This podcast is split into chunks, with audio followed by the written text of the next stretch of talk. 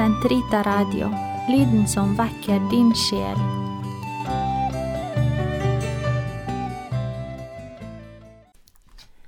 Karmels hage sesong to Jesu ansikt Det er så vakkert, ja litt gammeldags sagt vidunderlig, å vite at Gud har skapt oss mennesker i sitt bilde. I Hans bilde er vi perfekte. Han har utstyrt oss med alle våre sanser, de ytre sansene som syn, hørsel, smak, lukt, og en stemme til å gjengi Hans ord, synge lovsanger, trøste hverandre, glede hverandre. Vi har dypere sanser som følelser og intuisjon, og de aller, aller dypeste sansene, vårt indre syn, vår indre hørsel og smak. Vi har alt vi trenger for å bevege oss gjennom livet, opprettholde det fysiske livet for oss selv og hverandre, men også det evige liv som bare Gud kan gi oss, og som Han gir oss på de mest forskjellige måter, alt ettersom hva vi er i stand til å ta imot. I sin kirke, i sine sakramenter, gir Han oss dette på den mest utsøkte måte. Men vi har også våre hverdager der vi kan ta imot.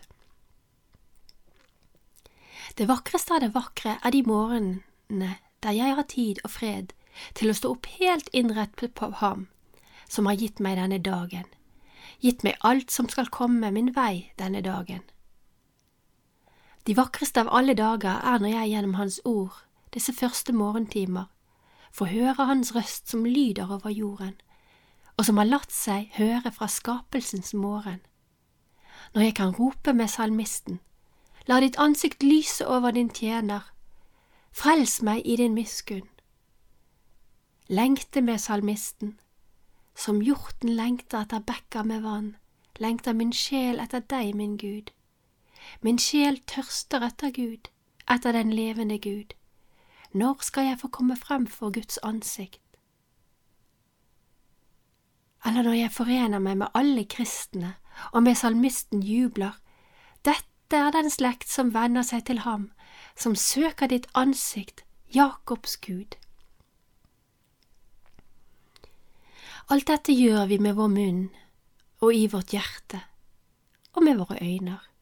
Vi leser og vi hører Hans ord. Våre sanser er skjerpet.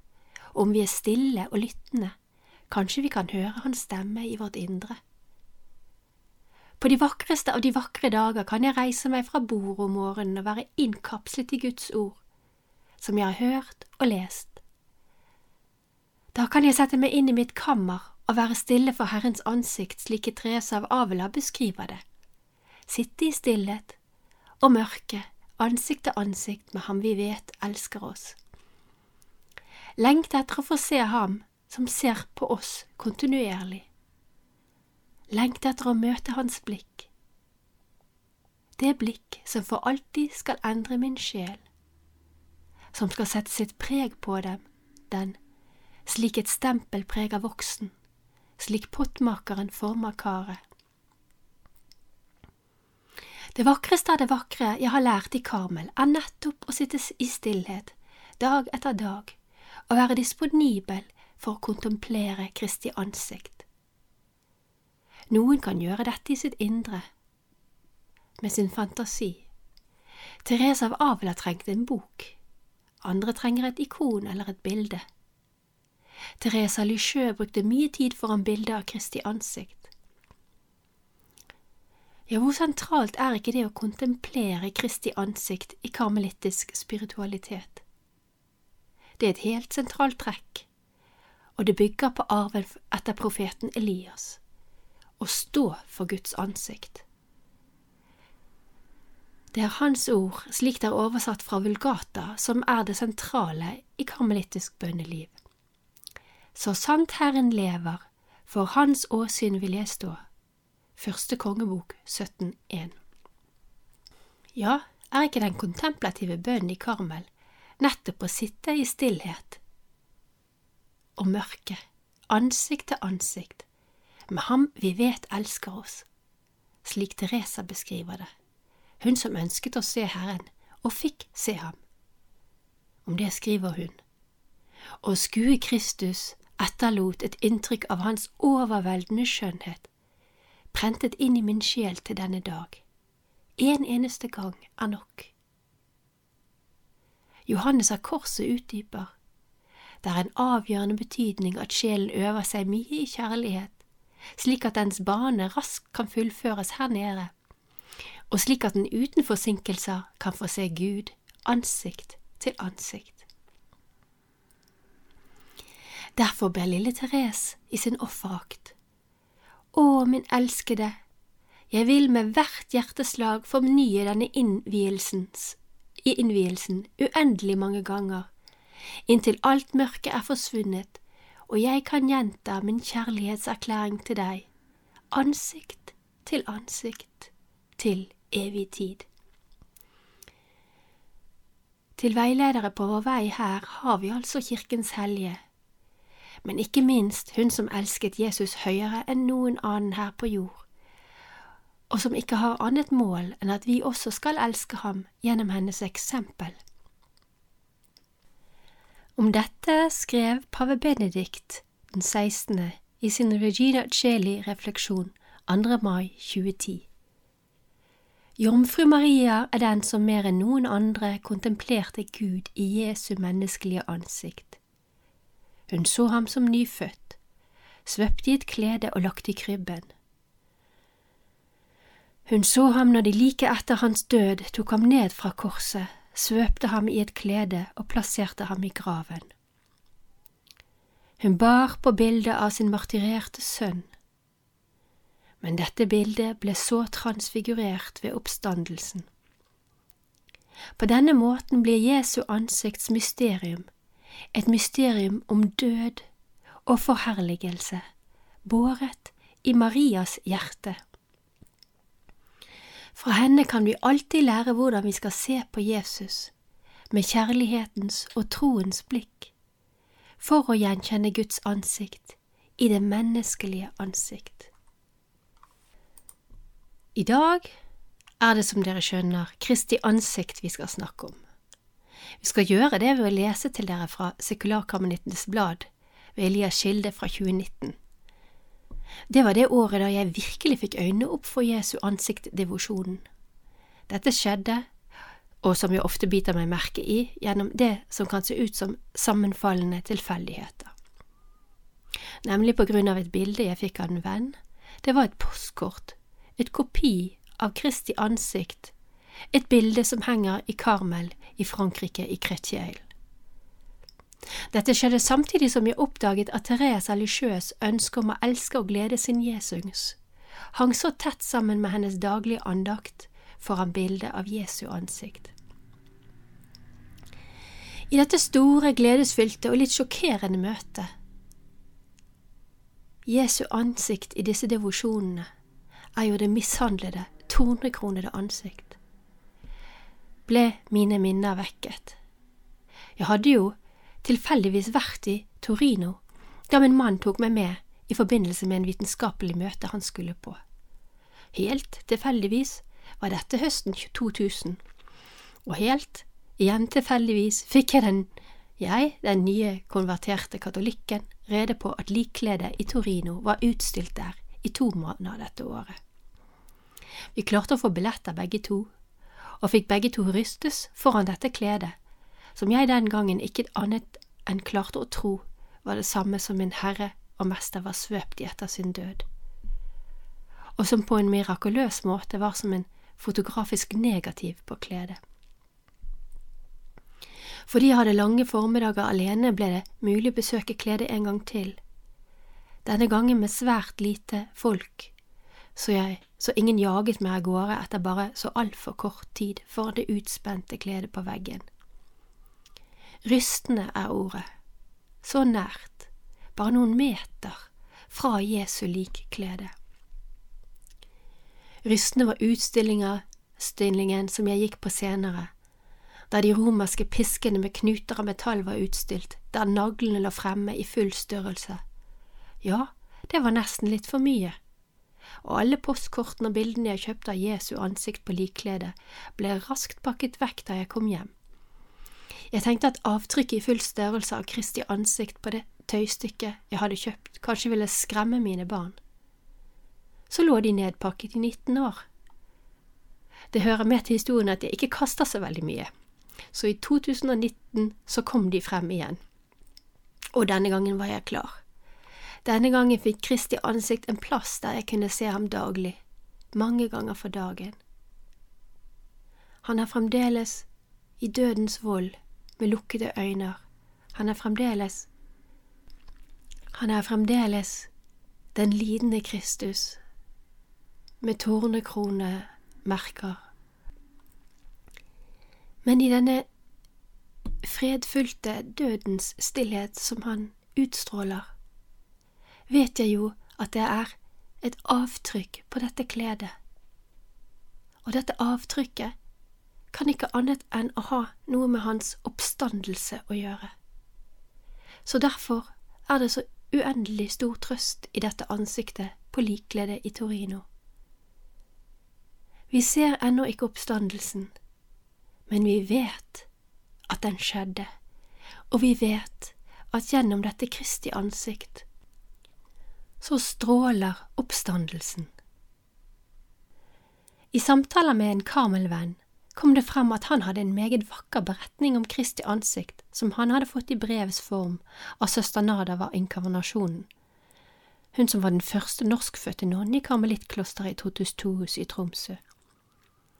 Vi fikk tillatelse fra nonnene til å trykke det i bladet, og det er den historien jeg vil lese for dere i dag. La oss be. Kom, Hellige Ånd, fyll dine troendes hjerter og tenn i dem din kjærlighetsild. Du som gjennom de mangfoldige tunge mål samler alle folkeslag til troens enhet. Send ut din ånd, og alt skal bli omskapt, og du fornyer jordens åsyn. La oss be. Gud, du har opplyst de troendes hjerter ved Den hellige ånd. Gi oss at vi ved din ånd kan glede oss over det som er rett, og alltid bli lykkelige ved Hans trøst, ved Kristus, vår Herre. Amen. Vi leser så fra brevet fra søster Nada om Jesu hellige ansikt på likkledet fra Torino. Det jeg nå skal skrive om, er en ting som har betydd ganske mye for meg og mitt forhold til religion og til Jesus. Likkledet i Torino. Det var vel nærmest en forklemmelse at jeg ikke tok dette med da jeg ga deg oversikten over min religiøse utvikling. Det er nemlig klart at møtet med dette bildet innledet noe nytt. Det har betydd mye i forbindelse med meditasjon, og er vel aller viktigst, viktigst for mitt personlige forhold til Jesus. Vel, ikke så lett å få uttrykt i ord. Men når jeg aldri har hatt tvil etter at jeg ble kjent med bildet, er da det i seg selv ganske vesentlig, sier en hel del. Da jeg kom til London høsten 1957 for å samle stoff til Newman-avhandlingen, hadde jeg aldri hørt om likklede. Bildet så jeg først i et utstillingsvindu i en liten butikk like ved Westminster Cathedral, i hjertet av London. Jeg ble øyeblikkelig slått av skjønnheten i dette ansiktet. Det var en slags åpenbaring å få se det.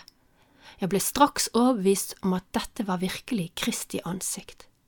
Jeg har aldri tvilt på det. Opplevelsen for snart 50 år siden ga meg noe for livet.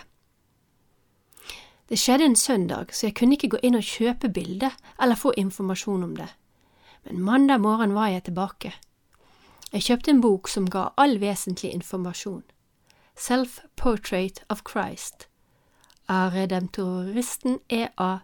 Winchell, utgitt i New York i 1954. Senere har jeg lest flere bøker og hefter og artikler. Jeg kjøpte mange bilder i forskjellige størrelser for å sende til venner i Norge. Jeg ble forbauset og skuffet over at bildene ikke vakte større interesse de ble ikke oppfattet slik som jeg hadde opplevd det i det øyeblikket jeg så det.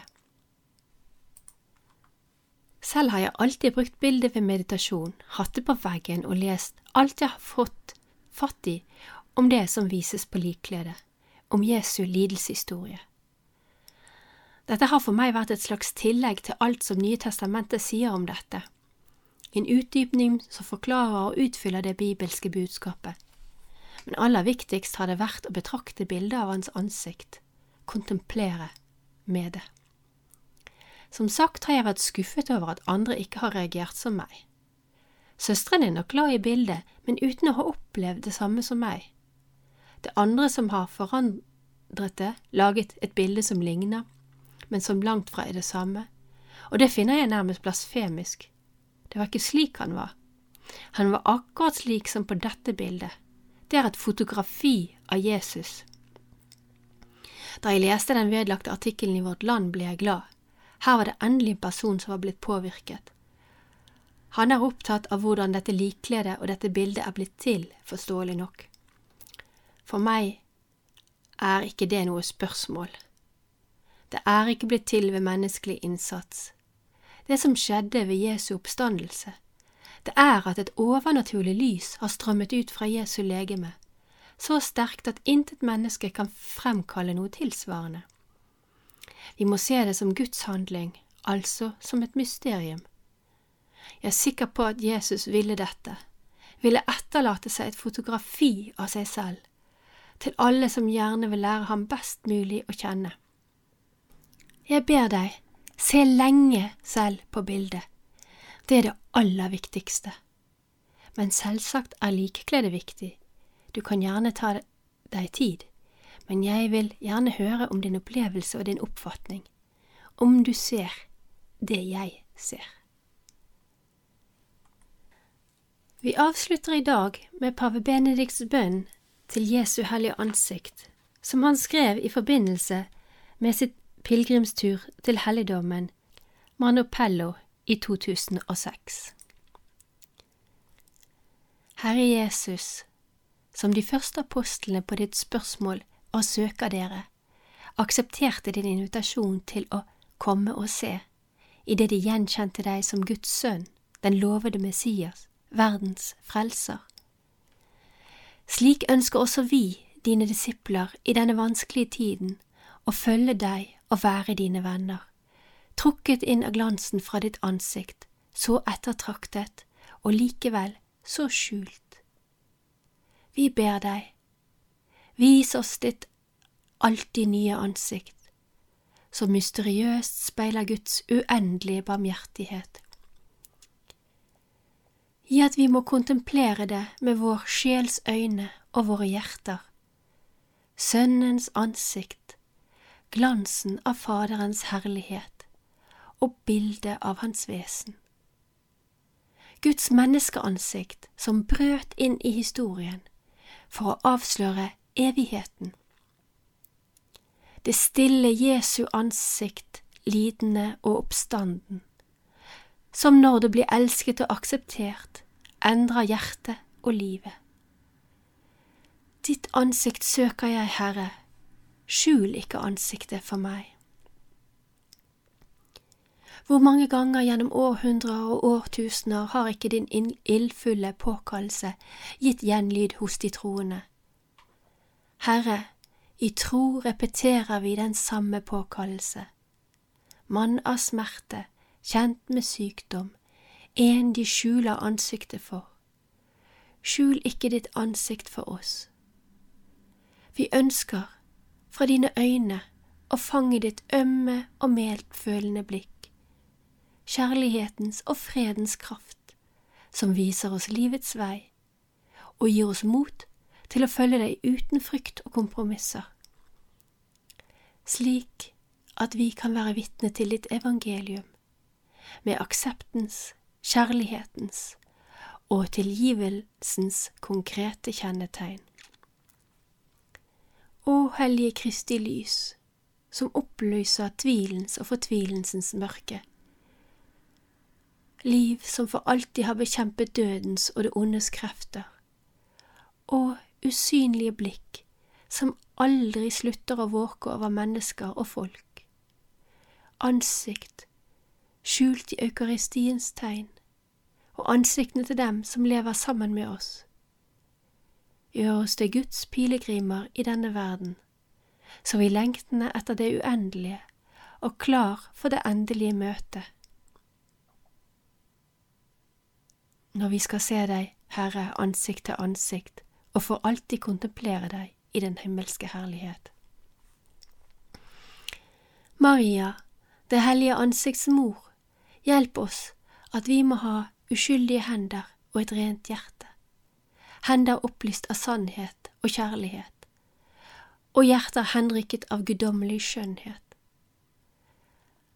Som forvandlet gjennom møtet med Kristus, må gi oss selv som gave til de fattige og lidende, hvis ansikt speiler den skjulte tilstedeværelsen til din sønn Jesus, han som lever og råder i all evighet. Amen.